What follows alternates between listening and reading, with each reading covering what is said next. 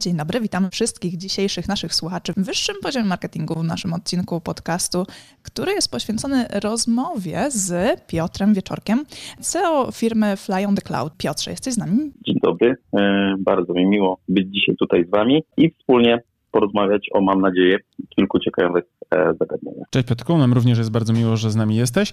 E, I korzystając z tej okazji, chcielibyśmy się Ciebie na początek zapytać, powiedz mi, jaka była droga e, Twoja do bycia szefem dynamicznie rozwijającego się, jakby nie było, startupu? Tak, i czołowego partnera, prawda, firmy Google w Polsce. Tak, jakby wszystko to, co powiedzieliście, się zgadza. Jesteśmy jako Fly on the Cloud już w tej chwili od 7 lat partnerem Google'a w obszarze rozwiązań cloudowych i te rozwiązania w Europie Środkowo-Wschodniej dostarczamy mm, naszym klientom. Natomiast y, odpowiadając na Wasze pytanie, jaka była ta droga, to oczywiście ona była wyboista, długa i kręta, bo, bo to nie jest tak, że, że wszystko przychodzi łatwo, łatwo, szybko i sprawnie. Po drodze przede wszystkim myślę, że, że, że bardzo istotne były moje wcześniejsze miejsca, w których e, zdobywałem swoje szlify. I tu warto wspomnieć e, firmę Fast White Cat. E, serdecznie oczywiście pozdrawiam Czarka Korzona, który do dzisiaj mm, dzierży stery tej firmy. To w tej chwili chyba i w Polsce jedna z największych firm, która dostarcza rozwiązania e-commerce'owe, więc absolutnie w dobie COVID-u i, i, i, w dobie rosnącej sprzedaży online'owej mm, bardzo fajna mm, firma i tam, tam zdobywałem swoje pierwsze szlify o szeroko rozumianej sprzedaży online'owej. Po drodze także mm, trafił się bardzo fajny startup Crazy Call, gdzie wspólnie próbowaliśmy zbudować naprawdę globalną firmę obsługującą rozwiązania klasy telco przez przeglądarkę. I tak naprawdę to wszystko dało mi mm, takie podstawy mm, do tego, żeby spróbować zmierzyć się z byciem przedsiębiorcą i spróbować zbudować coś od początku. No i tak wspólnie z moim wspólnikiem w 2014 roku pojawiła się idea mm, Fly on the Cloud. Tak naprawdę Fly on the Cloud zrodził się z bardzo prostej idei. Zaobserwowaliśmy, że rozwiązania cloudowe, które wtedy tak naprawdę dopiero raczkowały, czy rozwiązania chmurowe, będą fantastycznym dźwignią do rozwoju wielu firm na świecie, ale przede wszystkim też w Polsce.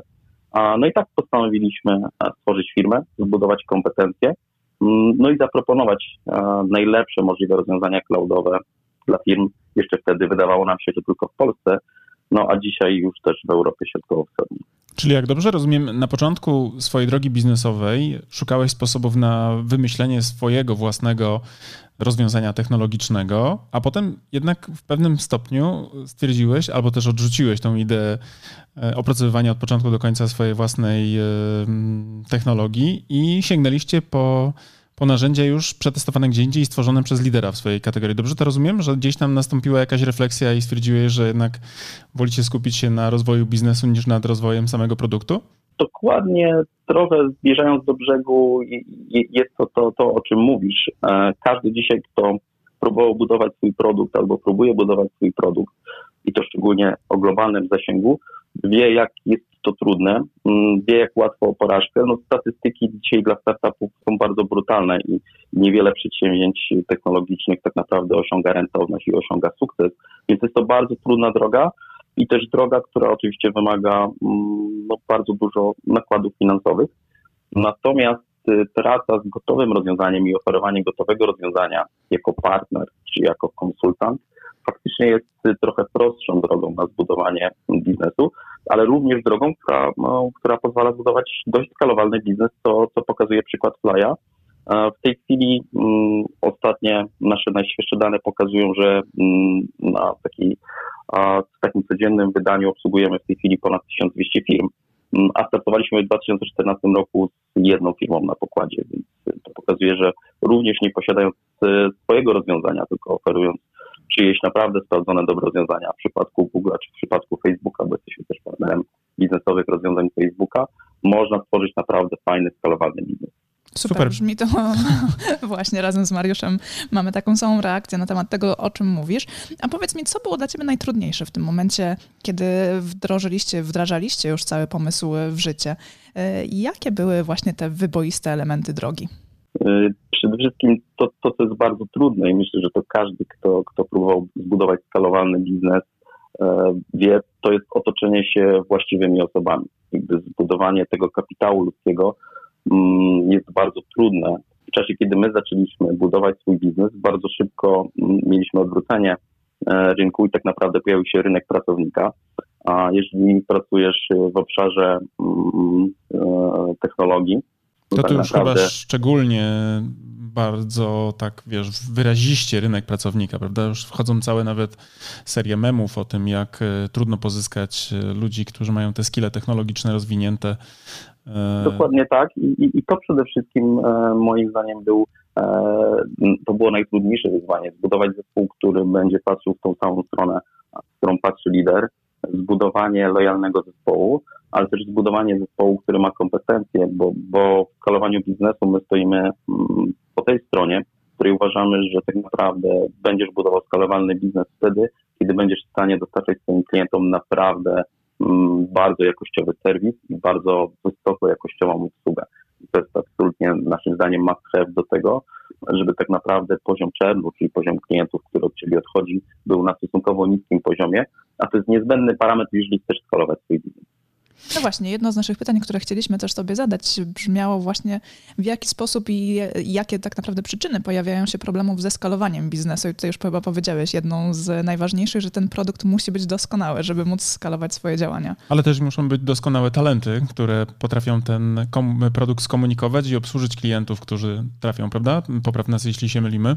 Absolutnie tak. Te, te dwa komponenty, które wymieniliście, są, są, są absolutnie kluczowe to, to, co dodałbym w dzisiejszych czasach do, do skalowania biznesu, jest jeszcze jeden bardzo ważny pierwiastek. E, szczęśliwie to jest chyba dzisiaj najłatwiejsze, e, najłatwiejszy e, punkt tej całej układanki. Mówimy o technologiach. Ponieważ dzisiaj zwróćcie uwagę, że na rynku mamy bardzo dużą demokratyzację, jeżeli chodzi o dostęp do technologii. Tak naprawdę, jeżeli jesteś dzisiaj młodym startupem czy bardzo zaawansowaną firmą, możesz korzystać z platform, których na co dzień korzysta Google, z których na co dzień korzysta Facebook, tak naprawdę możesz korzystać z tych narzędzi, mm, zarówno pod względem e, uczenia maszynowego, czy pod względem sztucznej inteligencji i masz do nich generalnie dostęp. Więc jeżeli masz jakiś fantastyczny e, pomysł, to dużo łatwiej jest Ci go dzisiaj realizować w dzisiejszych czasach i skalować, e, ponieważ masz e, masę narzędzi chmurowych, które Ci to umożliwiają. Mm, a to, co bardzo ważne, jeżeli chodzi o narzędzia chmurowe, to zwróćcie uwagę, że tak naprawdę kluczowym parametrem dla rozwiązań chmurowych jest to, że płacisz za tyle, ile korzystasz. Co w przypadku budowania dzisiaj skalowalnego biznesu, tak naprawdę ciężko jest ci oszacować, jak twój biznes będzie wyglądał za tydzień, za miesiąc, za rok, za dwa lata.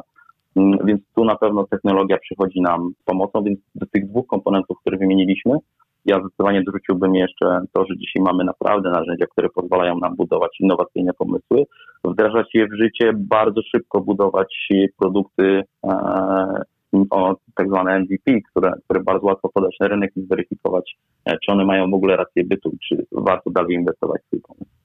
A kiedy mówimy o szybkim skalowaniu biznesu, to co mamy na myśli? Bo wiele osób, które gdzieś spotykamy na naszej drodze biznesowej, mają taką jedną wspólną cechę, mianowicie wielką niecierpliwość i, i, i takie słynne na wczoraj, na wczoraj, na wczoraj. To jest taka, wiesz, bardzo często pojawiająca się fraza. Natomiast co oznacza szybko zeskalowany biznes. Na poziomie takim operacyjnym, czyli właściwie ta akwizycja tych talentów z rynku to jest jedno, ale też zwiększenie tych zdolności i mocy przerobowych to jest drugie. Powiedz mi, y, na co trzeba zwracać uwagę i gdzie są te realne ramy czasowe, w których można mówić o szybkości i skalowaniu? Wiecie, to wydaje mi się, że jak popatrzymy na różne rynki, to tak naprawdę nie ma jednej odpowiedzi, bo y, czym innym jest skalowanie amerykańskiego startupu w amerykańskim wydaniu, czym innym jest skalowanie bardzo fajnego polskiego mm, stosowego pomysłu na biznes. Stosowego mam tu w rozumieniu e, software as a service, czyli mm, dostarczania oprogramowania jako usługi. To jest generalnie dzisiaj bardzo popularny trend w budowaniu skalowalnych biznesów i jakby świadomość wielu polskich startuperów rozbudzona jest chęcią zbudowania naprawdę unicorna, mm, czyli firmy wartej ponad y, miliard dolarów w oparciu o, o oferowanie właśnie oprogramowania jako usługę. Więc jakby tutaj nie ma jednej odpowiedzi, co to znaczy szybko skalować biznes, bo, bo jakby jeżeli spojrzycie chociażby na przykład Revoluta, który dzisiaj jest najszybciej rozwijającym się fintechem, albo jednym z najszybciej rozwijających się fintechów w Europie, e, no to mówimy o zupełnie innym podejściu do cyfr, do liczby i do powiedzenia tego, czym jest szybkie skalowanie biznesu. Jeżeli zostawimy to pewnie z kilkoma polskimi e, fintechami, które dzisiaj startują, ale pewnie nie jest to ta, ta skala. Więc jakby bardzo ciężko jest jakby uchwycić jeden konkretny parametr i powiedzieć, że w tym momencie firma skaluje się szybko.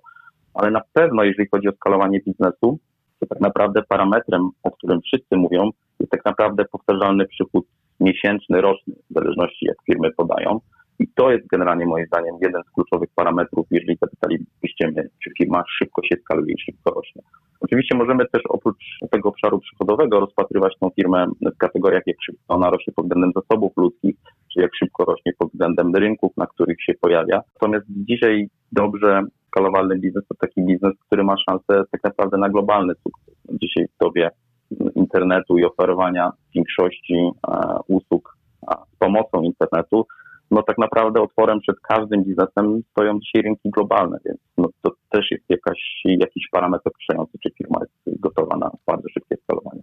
Bardzo ciekawym case'em jest a propos skalowania biznesu, ale nie nadążania z dostarczaniem produktu jest Tesla, prawda? Nie wiem, czy pewnie kojarzy, bo wszyscy dzisiaj chyba w świecie marketingu widzą, czy też w świecie biznesu widzą epickie wręcz zwyżki e, samej e, tej e, ewaluacji, czy też tej kapitalizacji giełdowej, bo nie wiem, czy kojarzysz, ale Tesla właśnie osiągnęła pułap ponad 2000 dolarów za akcję przed splitem, a teraz na poziomie po splicie bodajże około 400 albo już 500. E, co by oznaczało w przeciągu jednego roku wzrost tej kapitalizacji giełdowej o 1000%, czyli epicka. Z drugiej strony też e, gigantyczne problemy właśnie ze skalowalnością rozumianą jako dostarczanie e, produktów, nadążając za popytem, który gdzieś tam jest. Więc czasami jest tak, mam wrażenie, popraw jeśli się mylę, że ta skala biznesu czasami w różnych aspektach może być brana pod uwagę, prawda? Czasami skala tego wręcz hypu, który się na konkretny produkt albo też na konkretną markę e, pojawia, niekoniecznie ma coś wspólnego z na przykład przepływami finansowymi, bo ta wspomniana wcześniej Tesla bodajże do tej pory jeszcze nie wykazała, chyba jak dobrze kojarzę, zysków z prowadzonej działalności operacyjnej e, firmy, bo cały czas gdzieś tam e, inwestuje w swój rozwój. Zresztą chyba podobnie było z Amazonem, prawda? Przez wiele wiele lat, a nawet chyba już dekad, można chyba tak powiedzieć, e, nie raportowała e, zysków, tylko tak naprawdę wszystkie pieniądze e, reinwestowała w stronę, w stronę właśnie tych możliwych dalszych wzrostów. Tu mamy kilka aspektów, bo, bo przecież nie trzeba też szukać daleko. Właściciele Ubera do dzisiaj bardzo oficjalnie mówią, że ten pomysł może się nigdy nie zwrócić i tak naprawdę nigdy nie osiągnąć poziomu rentowności. Natomiast jest jednocześnie zbyt duży, żeby inwestorzy i właściciele pozwolili temu biznesowi najnormalniej w świecie mm, splajtować. A więc jakby to, to bardzo często się zdarza, że, że na etapie skalowania firmy pojawia się masa problemów. No problem tak naprawdę z przepływami finansowymi no, występuje w większości szybko rozwijających się firm. My absolutnie też przechodziliśmy ten etap w swoim życiu gdzieś na przełomie 2017 i 2018 roku. Dlatego też w 2019 roku na przykład u nas pojawił się inwestor, który po pierwsze, że uwierzył w nas, nasz pomysł, ale, ale zapewnił nam to bezpieczeństwo mm, pod względem finansowym i pozwolił dalej rozsądnie skalować biznes. Natomiast y, nie jest tajemnicą, że wiele dzisiaj szybko, szczególnie technologicznych firm, rozwijających się technologicznie firm, żyje tak naprawdę od rundy finansowania do rundy finansowania. I no bez tak, kolejnej tak. rundy finansowania ten fantastycznie pomysł, epicki pomysł na, na kolejny jednorożec tak naprawdę przestaje mieć rację bytu. My obserwowaliśmy ten trend bardzo mocno na przełomie marca i kwietnia.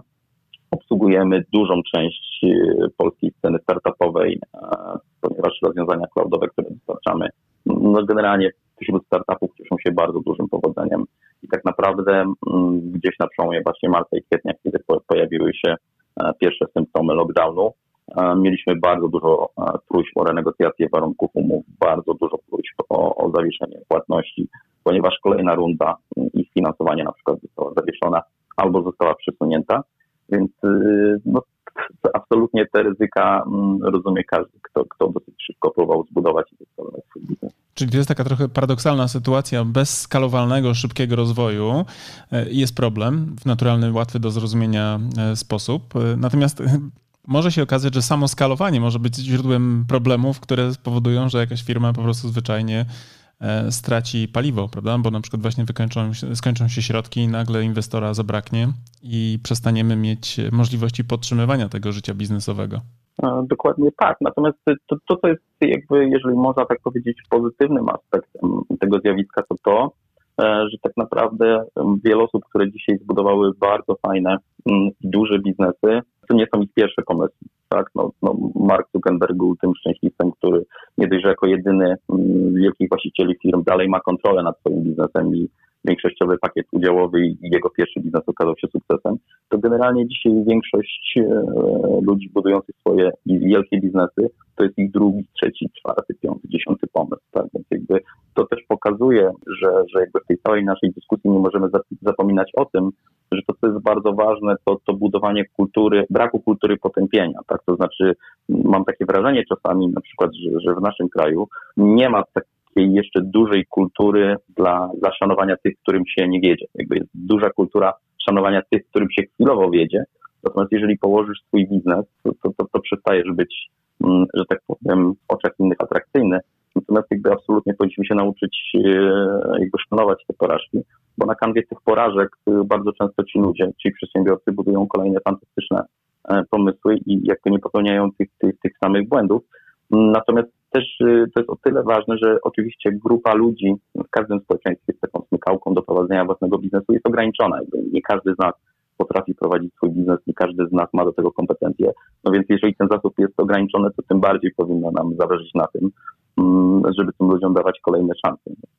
Ta kultura... No to wtedy rozwój na, na, na, szansa na rozwój dla, dla, dla całego społeczeństwa. Ta kultura porażki e, i pozwalania na porażkę myślę, że jest w ogóle ciekawym tematem na osobną dyskusję, chociaż wydaje mi się, że w Polsce, podobnie jak powiedziałeś, e, faktycznie mamy mniejszą tolerancję na przyzwolenie na upadek. Ja zastanawiałem się już nad tym wielokrotnie i doszedłem do wniosku, że to jest prawdopodobnie spowodowane z większym jednak e, problemem dostępności kapitału inwestycyjnego, prawda? Tutaj jednak te pule finansowań są mniejsze niż na przykład w Stanach Zjednoczonych, czy na tych rynkach takich bardziej dojrzałych e, startupowo. I myślę, że tutaj, nie wiem, e, utopić komuś milion złotych na przykład jest dużo większym wyzwaniem niż e, w Stanach Zjednoczonych, gdzie fundusze inwestycyjne, krótko mówiąc, dysponują miliardami. I myślę, że częściowo też i, i kultura dość konserwatywna w ogóle w Polsce na prowadzenie biznesu, ale też myślę w ogóle po prostu uboższa. Plus faktycznie u nas nie, nie łączy się to z tym, że my nabywamy pewne doświadczenie i uczymy się na błędach, które popełniliśmy przy upadającym biznesie, tylko faktycznie otrzymujemy automatycznie łatkę nieudacznika. Label tego, taki, który, no tak, tak, tak, tak, przegryw. przegryw.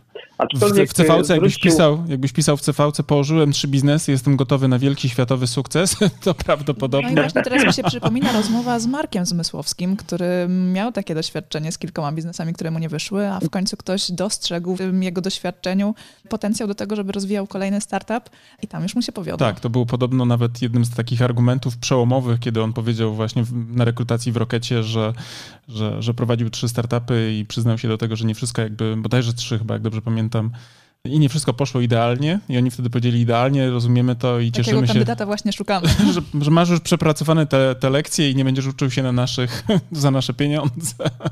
Zresztą gorąco polecamy wszystkim e, myślącym o swoich biznesach książkę pana Marka, bo tam dużo ciekawych lekcji, tak. dużo ciekawych e, przemyśleń więc zdecydowanie lektura godna polecenia. W świetnej formie też, świetnej formie też. Dokładnie. Dodam tylko tytułem komentarza, że paradoksalnie mówiliśmy o, mm, o finansowaniu, natomiast jak posłuchasz ludzi, którzy chcą inwestować i posłuchasz funduszy, to tak naprawdę oni wskazują inny paradoks, że oni mają pieniądze, natomiast nie ma fajnych pomysłów do inwestowania, czyli jakby pieniędzy jest więcej niż e, sensownych pomysłów, więc to też jest trochę taki paradoks, że z jednej strony mówimy, że, że te rundy, czy jakby ten dostępny kapitał jest mniejszy, więc jakby mniejszy margines błędu, natomiast z drugiej strony ci, którzy chcą inwestować, mówią, że potrzebujemy dobrych pomysłów których dzisiaj brakuje. Tak, to myślę, że tutaj absolutnie pewnie jedna i druga strona, która gdzieś tam stara się połączyć te dwa światy, myślę, że ma swoje bardzo silne argumenty. Ja obserwuję ten rynek też venture capital w Polsce odrobinę i też jako były inwestor giełdowy mam swoje jakieś powiedzmy obserwacje i, i takie. Ty jesteś z Wrocławia, prawda? Popraw mnie, jeśli... Tak. No właśnie, to w Wrocławiu jest też MCI, ten fundusz e, inwestycyjny Tomasza Czechowicza i, i widzę jego ścieżki takie inwestycyjne i od w sumie pewnie ponad dekadę już go oglądam, no to widzę, w które jakby spółki on inwestował i faktem jest, że no to nie były jakoś turbo przełomowe biznesy, tak? To wiesz, tutaj na przykład, nie wiem, Travel Planet na przykład, prawda, duży jego sukces, mhm. ale, ale umówmy się, no tutaj nie odkrył, nie odkrył czegoś, co, co można by powiedzieć jakąś wielką, wielką, wiesz, innowacją w zakresie jakby obsługi sprzedażowej e, dla ruchu turystycznego, tylko raczej sprawnie e, ludzie, którzy odpowiadali za ten, powiedzmy, krótko mówiąc, startup, e, wdrożył jakiś pomysł, prawda? I faktycznie chyba w ogóle my jako rynek polski, co też tu tutaj padło, no nie możemy pochwalić się jakimiś innowacyjnymi właśnie pomysłami. Powiedz mi, trochę już o tym rozmawialiśmy, ale jak sądzisz, dlaczego brakuje tych pomysłów? Ja tutaj dodam dygresję, że myślę, że jest trochę tych pomysłów. Jest trochę firm, które, polskich szczególnie, które ze swoimi pomysłami czasowymi odnoszą na, na globalnych rynkach sukcesy, bo zwróćcie uwagę, że Wrocław, oczywiście bliskie i rodzinne mi miasto, mamy live chat, który mhm. absolutnie jest gwiazdą, jeżeli chodzi dzisiaj o chatboty czy o czatową obsługę klienta. Mamy też przecież znanego lekarza jako Planner, który absolutnie święci triumfy i, i buduje platformę, która łączy pacjentów i, i, i potencjalnie lekarzy. Z drugiej strony mamy zadane.pl, czyli obecnie Brainy, które działa na, na rynkach zagranicznych. Jest tych pomysłów polskich, które mm, mają szansę na, na duże skalowanie i bycie dużymi biznesami. Jest Booksy, no, które jako nasz klient obserwujemy ich drogę od początku i absolutnie e, fantastycznie się, się rozwijają. Więc jakby tych pomysłów jest trochę, Natomiast jakby ja sięgając bardzo głęboko przyczyn e, trochę mniejszego powodzenia e, na przykład naszych startupów w konfrontacji z firmami, które obserwujemy za granicą, to sięgnąłbym dosyć głęboko, bo sięgnąłbym do, do edukacji, która jest w Polsce. Myślę, że, że tam jest dużo problemów. One wynikają na przykład z tego, że, że polska szkoła na przykład nie jest nastawiona na naukę pracy w grupie i pracy zespołowej, tylko jest nastawiona na indywidualne sukcesy, jednej jednostki, jakby system oceny, system budowania oceny uczniów powoduje, że tak naprawdę promuje się jednostkę, która ma tylko i wyłącznie talenty, nie uczy się tej jednostki pracować w grupach, pracować w zespołach. I, moim zdaniem to potem bardzo dobrze widać, jeżeli ci ludzie zasilają szeregi twojej organizacji. Tak naprawdę kultury współpracy, kultury wymiany wiedzy, kultury innowacji. Tak naprawdę często uczysz tych, tych młodych ludzi, którzy przychodzą zaraz po studiach e, w swojej firmie.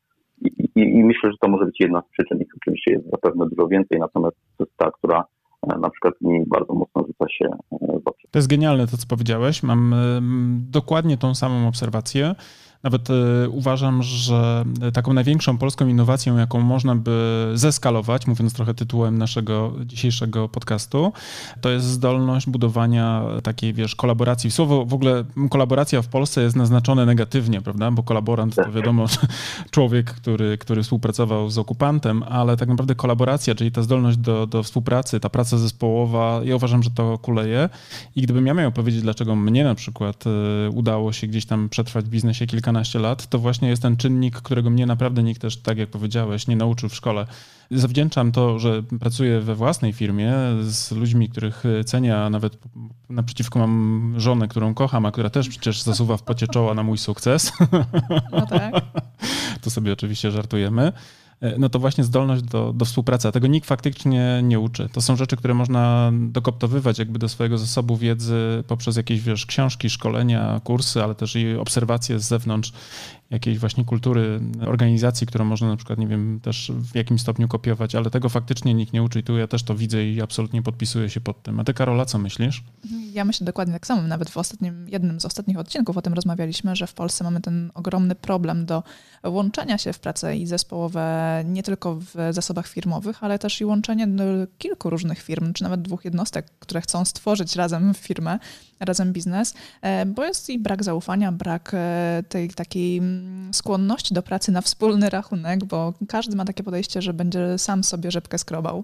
Ja to myślę, że też to widać, mm, abstrahując od biznesu, ale widać też te, te, te problemy, które Piotrek zaznaczył, na przykład chociażby w sporcie. My jesteśmy słabi właściwie w drużynowych sportach. Nie mamy, wiesz, mistrzów świata, drużyn mistrzowskich na poziomie światowym, albo jeżeli są, to są e, wyjątki. Siatkarze? siatkarze, no właśnie chciałem powiedzieć o tym wyjątku. Ale wiesz, y, w piła nożna i tak dalej, no to generalnie rzecz biorąc nie wygrywają y, jednostki. Przecież mamy jednego z najlepszych piłkarzy światowych, Roberta Lewandowskiego, który święci triumfy w drużynie yy, prawda, niemieckiej, w Bayernie bodajże, jeśli się nie mylę. Ja nie jestem fanem wielkiej piłki nożnej, ale, ale chyba... Właśnie tyle. to wyszło. Tu, tu, tu chyba nie pomyliłem.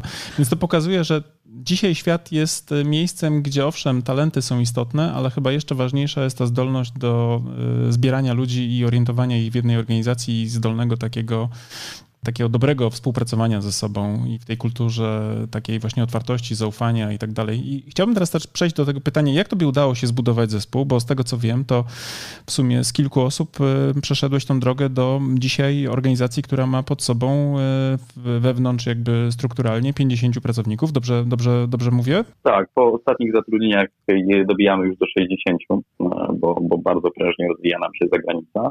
Ale tak, przeszliśmy tą drogę od w zasadzie dwóch osób do, do dzisiaj do 60.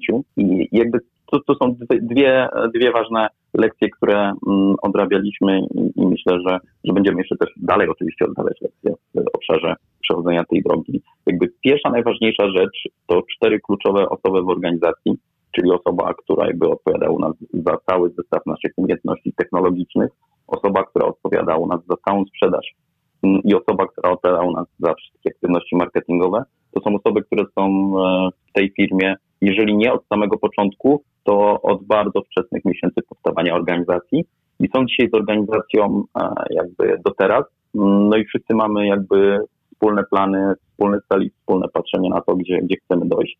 Więc jakby absolutnie to jest bardzo kluczowe, żeby ten trzon zespołu, który budujesz w każdej organizacji, to nieważne w jakim biznesie, mm, żeby on z tobą był od początku do końca. No bo to znaczy, że dobrze dobrałeś sobie te pierwsze, najważniejsze osoby w swoim zespole, ale to też znaczy, że mimo nieporozumień i konfliktów, bo one oczywiście naturalnie były i jakby oczywiście, że też często na spotkaniach padają niecenzuralne słowa, których nie można dzisiaj przytaczać pomiędzy nami. Natomiast na koniec dnia wszyscy jakby potrafimy razem ciągnąć mówiąc kolokwialnie, ten wózek w tą samą stronę. Dlatego uważam, że to jest bardzo istotne, jeżeli chcesz zbudować zespół. Te osoby, z którymi zaczynasz e, tą, tą przygodę, Kiedyś jeden z moich wspólników powiedział, a jeżeli kogoś nie lubisz, to nie powinieneś z nim generalnie pracować, bo w dłuższej perspektywie to się nie uda. No i jest e, w tym powiedzeniu trochę prawdy, więc tych ludzi, których sobie dobierasz, musisz też, też darzyć jakąś sympatią. Oczywiście, jeżeli organizacja się rozrasta, nie możesz darzyć sympatią całej organizacji, natomiast wtedy skupiasz się oczywiście na, na, na innych aspektach, jak ludzkie umiejętności czy ludzkie skille, specyficzne kompetencje, których do tego zespołu potrzebujesz, niekoniecznie e, warunek przyjaźni jest tu, jest tu istotny, ale myślę, że to jest bardzo, bardzo ważny fundament, jeżeli, e, który my e, sobie zbudowaliśmy. No i na tej podstawie dzisiaj możemy do tego zespołu przyciągać kolejne fantastyczne osoby, które, które z nami będą próbować robić to, co robimy w najlepszy możliwy sposób. A teraz poruszyłeś też ciekawy temat, mianowicie chciałem zapytać się ciebie, czy wartościujesz pod względem takiej hierarchii ważności działania sprzedażowe versus na przykład marketingowe albo marketingowe versus sprzedażowe. Bo bardzo często na przykład w organizacjach jest taka orientacja stricte sprzedażowa, jeszcze wyniesiona, wiesz, takiej kultury właśnie, bym mhm. powiedział, wczesnego rozwoju polskiej przedsiębiorczości, gdzie się liczyła ta, wiesz, kompetencja związana z pukaniem od drzwi do drzwi, prawda, w takim offline'owym schemacie, a potem wraz z, rozwojem, z rozwojem tej takiej też wiedzy na temat tego, jak powinno się dzisiaj budować e, biznes, pojawiły się też potrzeby związane z rozwijaniem tych kompetencji marketingowych.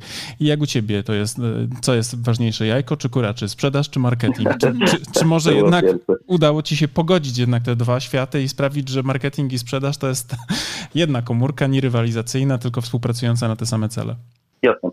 To, jakby, mm, y, to, był, to, to, nie był proces i to, to, to był proces, to nie zadziało się z dnia na dzień. Natomiast doszliśmy do momentu, w którym to jest jakby jedność. Jesteśmy na takim etapie, y, gdzie, i to chyba najważniejsze, gdzie premie sprzedażowe obowiązują zarówno w dziale marketingu, jak i w dziale sprzedaży. Więc jakby, tak jak ktoś ładnie kiedyś napisał w książce, marketing nie jest po to, żeby firma ładnie wyglądała, tylko marketing jest po to, żeby firma miała klientów. I jakby my absolutnie wokół tej zasady budowaliśmy zarówno zespół sprzedażowy, jak i zespół marketingowy. I to, co jest chyba dla mnie dzisiaj dosyć istotne, to my zdecydowanie więcej e, leadów e, dla naszego biznesu pozyskujemy z szeroko rozumianej działalności growth hackingowej e, i aktywności na, na tym kanale online'owym, niż poprzez bezpośrednią akwizycję e, osoby pełniącej funkcję KAMA czy, czy, czy, czy osoby pełniącej funkcje sprzedażowe w organizacji. Więc to jest bardzo fajny trend, bo dużo więcej klientów pozyskujemy online'owo niż offline'owo mm, i dużo więcej klientów przychodzi do nas i nas wyszukuje niż my e, do tych, do tych firm docieramy. Więc zgodnie z trendem, który dzisiaj dzieje się na rynku, udało nam się to zrobić. E, I, i, I, moim zdaniem, patrząc na nakłady, które dzisiaj ponosimy zarówno na te dwa działy, zdecydowanie więcej nakładów, e, żeby ten biznes skalować jeszcze szybciej będziemy ponosić na, na aktywność e, zespołu marketingowego, e, bo to niejednokrotnie są bardzo dobre lidy, bardzo kaloryczne, no, więc jakby u nas to jest absolutnie jedność, no i to, to jest tak, że absolutnie marketing musi rozumieć, jakie są cele sprzedażowe organizacji, jaki jest najlepszy klient tej organizacji i jakich, o jakich klientów walczymy, i do jakich klientów chcemy potencjalnie, e, potencjalnie docierać. Twoje słowa, Piotrze, w tym momencie to jest miód na nasze marketingowe serca. Bardzo się cieszę. Wiesz, to, my, to, my to rozumiemy, my to pojęliśmy już dawno, natomiast jeszcze część tego polskiego biznesu takiego konserwatywnego, który właściwie uczy się wszystkich tych rzeczy na nowo nieco, prawda, bo przechodzą właśnie w online z offline'u, pivotują na digital, jak to się ładnie mówi, Jesz jeszcze tego nie zrozumieli do końca, jeszcze nie przepracowali tej, tej, tej tezy, o której tutaj tak dobrze opowiedziałeś, więc... A powiedz mi jeszcze... I bądźmy szczerzy, mm, oczywiście nie umawialiśmy się na tą odpowiedź. Nie, nie, nie, nie, nie, nie. Zostałeś naturalnie zapędzony w ten róg, ale, ale, ale poda... Ale pięknie z niego wybrnąłeś. Ale, tak, tak. Sam przyjąłeś na klatę to, to pytanie i ładnie oddałeś piłkę. Tak, Piotrze, a powiedz mi jeszcze tak na koniec naszej rozmowy, ponieważ rozmawiamy o skalowaniu biznesu, o problemach, które się pojawiają na samym początku, ale też i w trakcie. Powiedz mi, jaki krok jest takim ważnym krokiem w momencie, kiedy klient przychodząc na przykład do Was mówi, ok, to ja jestem gotowy, żeby skalować biznes, co ja teraz muszę zrobić? Czy są jakieś takie y, krok pierwszy, krok drugi, krok trzeci, które klient musi wykonać razem z wami? Oczywiście. Wiecie co, mamy dwa scenariusze, które w tym czasie dzieją się niemalże równolegle. E, pierwszy scenariusz to jest ten scenariusz, który ładnie nazywamy u nas w organizacji onboardingiem, czyli to jest ta ścieżka, którą wypracowujemy wspólnie z klientem, żeby klient mógł zacząć korzystać z nowej technologii dzięki tej technologii dużo szybciej, mm, tak jak rozmawialiśmy na początku naszej rozmowy, proponować dla rynku albo nowe rozwiązanie, albo nową usługę w oparciu o to, co dotychczas robił. Czyli to jest jaka, jakby taka część bardzo technologiczna, przez którą musimy przejść, bardzo często wiążąca się z migracją, bardzo często wiążąca się ze zmianą dotychczasowych rozwiązań, z których korzystał klient. No i to, to jest jakby w mojej ocenie na koniec dnia ta łatwiejsza część procesu do zrobienia po stronie klienta, żeby przygotować się na skalowanie biznesu. No bo z dobrym, doświadczonym zespołem inżynierów, e, tak naprawdę nawet jeżeli po stronie klienta nie ma kompetencji, no to partner wtedy zastępuje ten e, wewnętrzny dział IT w organizacji klienta. Natomiast jest druga ścieżka, mm, mówiliśmy tutaj o takim ładnym wcześniej zdanie mm, piwocie mm, do, do digitala i to jest ta dużo trudniejsza ścieżka, w której klient nie tylko e, musi nabyć nowe narzędzia i nie tylko musi nauczyć się z nich korzystać, ale musi także zmienić sposób, w jaki cała jego organizacja funkcjonuje. Bo to, że korzystamy dzisiaj z nowoczesnych narzędzi, na przykład cloudowych, które pozwalają nam e, skalować ten biznes, to jest jakby jedno. Natomiast drugie, to to, czy my mentalnie jesteśmy na to gotowi, czy mentalnie na to e, gotowy jest także nasz zespół i czy my przeprowadziliśmy całą tą cyfrową zmianę czy jakkolwiek cyfrową rewolucję w organizacji, w zespole pracowników. E, no bo dzisiaj można każdemu pracownikowi dać narzędzie w postaci narzędzie do wideokonferencji, narzędzie do pracy na przykład na dokumentach wspólnej. Natomiast pytanie na koniec dnia, czy ludzie potrafią z tego korzystać, czy są na to gotowi, czy są na to gotowi, żeby być dużo bardziej mobilni i, i czy są też gotowi na przykład, żeby korzystać z, z tych wszystkich dobrodziejstw internetu w sposób bezpieczny, no bo to jest często parametr, o którym zapominamy. No i to jest ta dru druga, dużo trudniejsza, trudniejsza ścieżka, którą, na, na, którą e, niewiele firm zwraca uwagę, no i my wtedy zawsze przychodzimy z pomocą i taki plan, e, taki plan budujemy. Więc jakby to są te dwa kroki, które trzeba wykonać, te dwa kroki, które trzeba wykonywać jednocześnie, natomiast zupełnie różny zakres prac po, po dwóch stronach. Brzmi ambitnie, aż się zmęczyłam na samą myśl o całej, całej pracy, która stoi przed klientem i przed organizacją, która musi się właśnie wdrożyć w nowe narzędzia cyfrowe, online, nowe rozwiązania przy, i zmusić tak naprawdę pracowników do korzystania z nich, bo często my na przykład z naszego doświadczenia mamy taką sytuację, w której kiedy mamy zespół e, ekspertów, z którymi pracujemy zdalnie, to przekonać ich, żeby dołączyli do na przykład naszego rozwiązania, z którego korzystamy chmurowego, no to jest, e, są to długie godziny na przykład czasami dyskusji i argumentacji. A pracujemy czasami, yy, mam wrażenie, z bardzo otwartymi też ludźmi, prawda? A jak tak, już ale wejdą... to tam już są na przykład przyzwyczajenia do innych rozwiązań. Innej ale, aplikacji tak, chociażby. ale chcąc mieć wszystko w jednym, w jednym zbiorze, no to musimy też poprosić o to, żeby dołączył do naszego rozwiązania. Więc podejrzewam, że macie... Jak przepraszam, chciałem wam że jest taka anegdota, Aha. że mm, jeszcze niedawno mówiło się, że tak naprawdę pociąg tej cyfrowej transformacji podjeżdża na peron, No a wszystkie firmy stoją i teraz pytanie, wsiadać do tego pociągu czy nie wsiadać. Natomiast wydaje mi się, że dzisiaj są takie czasy, że ten pociąg odjechał. I teraz pytanie jest, czy ty jako organizacja jesteś generalnie w dobrym przedziale? I czy ty masz dobre technologie, z których powinieneś korzystać? I to jest ta dyskusja, chociaż tak jak mówicie, jest wiele firm, które dalej są na etapie jestem na peronie i zastanawiam się, czy ja do tego pociągu powinienem a, wsiąść. Tak, i czy no tak. ewentualnie zacząć już bieg za nim, prawda? Natomiast, natomiast myślę, że to też faktycznie będzie y, ciekawy pretekst do następnych y, rozważań. Piotrek, bardzo Ci dziękujemy za tę rozmowę, bardzo ciekawa. Tak, ja również bardzo dziękuję. Dużo wyniosłem z tej naszej konwersacji. Potwierdziłeś niektóre moje y, tezy, które gdzieś tam sobie wcześniej też e, formułowałem. No i z naszej strony chcielibyśmy Ci podziękować za Twój czas. No i gratulujemy przede wszystkim tego dynamicznego, skalowalnego bardzo mocno wzrostu. No i życzymy dalszych rozwojów dynamicznych i szybko skalowalnych. Tak jest. Bar bardzo serdecznie Wam oczywiście dziękuję za rozmowę. Dla mnie to też bardzo e, pouczające doświadczenie.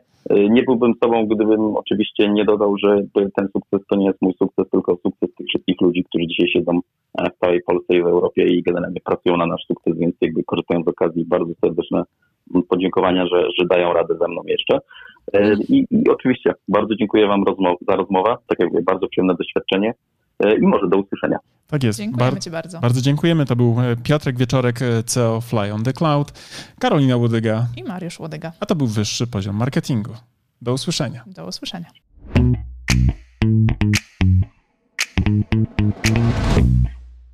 No dobra, to na tyle w dzisiejszym odcinku wyższego poziomu marketingu. A teraz pozwólcie, drodzy słuchacze, że powiemy Wam, dlaczego warto pójść na następny poziom, czyli skorzystać z naszego kursu ABC Strategii Marki. Tak, bo jak wiecie, to po pierwsze macie już do niego kod rabatowy 15%, a po drugie ten kurs i wiedza z niego pozwoli Wam wejść na wyższy poziom marketingu z Waszą marką i dzięki niemu opracować strategię dla Waszej marki. I to jest oczywista oczywistość, prawda? Tego byśmy nawet nie musieli mówić, gdyż już na pewno wiecie. Natomiast to, co nie jest pewnie dla Was jasne, to to, z jakich elementów składa się ten kurs, prawda? Pierwszy taki, najważniejszy, od którego zawsze wychodzimy, który, uwaga, jest najmniej pewnie spektakularny, no bo wiąże się przede wszystkim z tą robotą w okopach, czyli analizą, prawda? To jest ten pierwszy obszar, który jest naprawdę niezwykle istotny. Dzięki naszemu kursowi APC Strategii Marki będziecie wiedzieli, jak zrobić badanie marketingowe, które pozwoli Wam określić to, co nazywamy fachowo consumer insightem, czyli insightem konsumenckim, albo inaczej mówiąc po polsku, po prostu tak jak należy, patriotycznie, co jest potrzebą konsumenta. Tak, ale też e, ten kurs pozwoli Wam przejść do drugiego etapu, czyli etapu strategicznego i opracować strategię Waszej marki, czyli znaleźć też unikalne pozycjonowanie dla Waszej marki. No oczywiście, jak to zrobić, dowiecie się z kursu, natomiast zaręczam Wam, że ta wiedza, która jest w tym kursie przedstawiona, zdecydowanej większości z Was pozwoli naprawdę zdystansować się od Waszych konkurentów i po prostu zwyczajnie zarabiać więcej. A skoro już będziecie wiedzieli, jakie macie unikalne pozycjonowanie przyjąć dla Waszej marki, to też z, z naszym kursem kursem dowiecie się, w jaki sposób docierać do Waszych odbiorców, by w ich umysłach zbudować właśnie to odpowiednie pozycjonowanie. Będziecie wiedzieli, jak tworzyć wizerunek waszej marki, będziecie wiedzieli również, jak mierzyć postępy, a to wszystko, o czym teraz mówię, tak naprawdę zawiera się w tej części, którą my jako strategzy nazywamy strategią komunikacji marki. Także ten nasz kurs, jako jedyny chyba na rynku w Polsce, bo ja nie spotkałem jeszcze tak kompleksowego podejścia, pozwoli wam nie tylko mówić o tym, co komunikować, ale również dlaczego komunikować i do kogo, co pewnie jest najważniejsze. Oraz gdzie komunikować. Tak, i jak mierzyć oczywiście wszystkie aspekty i nie tylko te performance'owe typu kliknięcie kliknięcia w link, ale również to, co mają w umysłach i w głowach i w sercach wasi klienci.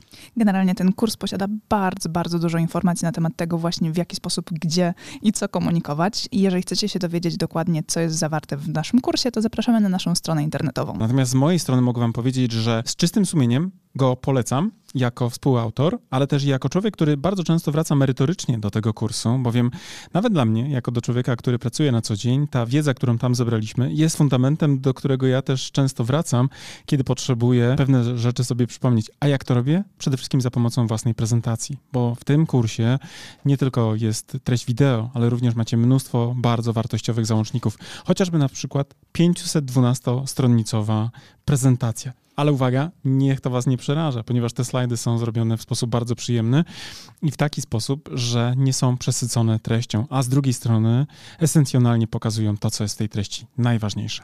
Tak, a z tego praktycznego punktu widzenia w kursie macie również załączniki takie dodatkowe do pracy własnej, e, z którymi możecie opracować własną strategię. Jest szablon opracowania strategii marketingowej, ale też jest przykładowa strategia naszej marki. Tak jest i ta strategia pozwoli Wam nie tylko zobaczyć, jaki jest framework, na którym my pracujemy jako strategzy, ale również zobaczycie, jak to wygląda z poziomu projektowanych założeń i będziecie mogli później na przykład przejść na nasze kanały komunikacyjne, na przykład na stronę www i też zobaczyć w ogóle, jak to działa, to co my żeśmy zaplanowali, bo absolutnie, wierzcie mi, my funkcjonujemy dokładnie według tych założeń. I nie tylko na poziomie przekazu werbalnego, ale również tego wizualnego języka, który jest podstawą właśnie opracowaną na bazie tych założeń. Tak. Zatem, jeżeli chcecie dołączyć do naszego kursu, zapraszamy na naszą stronę internetową. Jeżeli jeszcze nie jesteście pewni, również zapraszamy na naszą stronę internetową, by dowiedzieć się więcej. Bo być może my was nie przekonujemy jako autorzy, bo pewnie jesteśmy trochę nieobiektywni, ale jeżeli potrzebujecie jakiegoś dodatkowego głosu, to posłuchajcie i też poczytajcie opinii ludzi, którzy wzięli w tym kursie udział, bo myślę, że oni są faktycznie najważniejsi jako prawdziwi, z krwi i kości uczestnicy. A z mojej strony też powiem, że ten kurs jako narzędzie takie merytoryczne, merytoryczny naprawdę pozwoli Wam wprowadzić Wasze marki na wyższe poziomy marketingu. To Wam gwarantuję już teraz. Trzymamy za Was kciuki. Do zobaczenia. Cześć. Do zobaczenia w kursie. Cześć.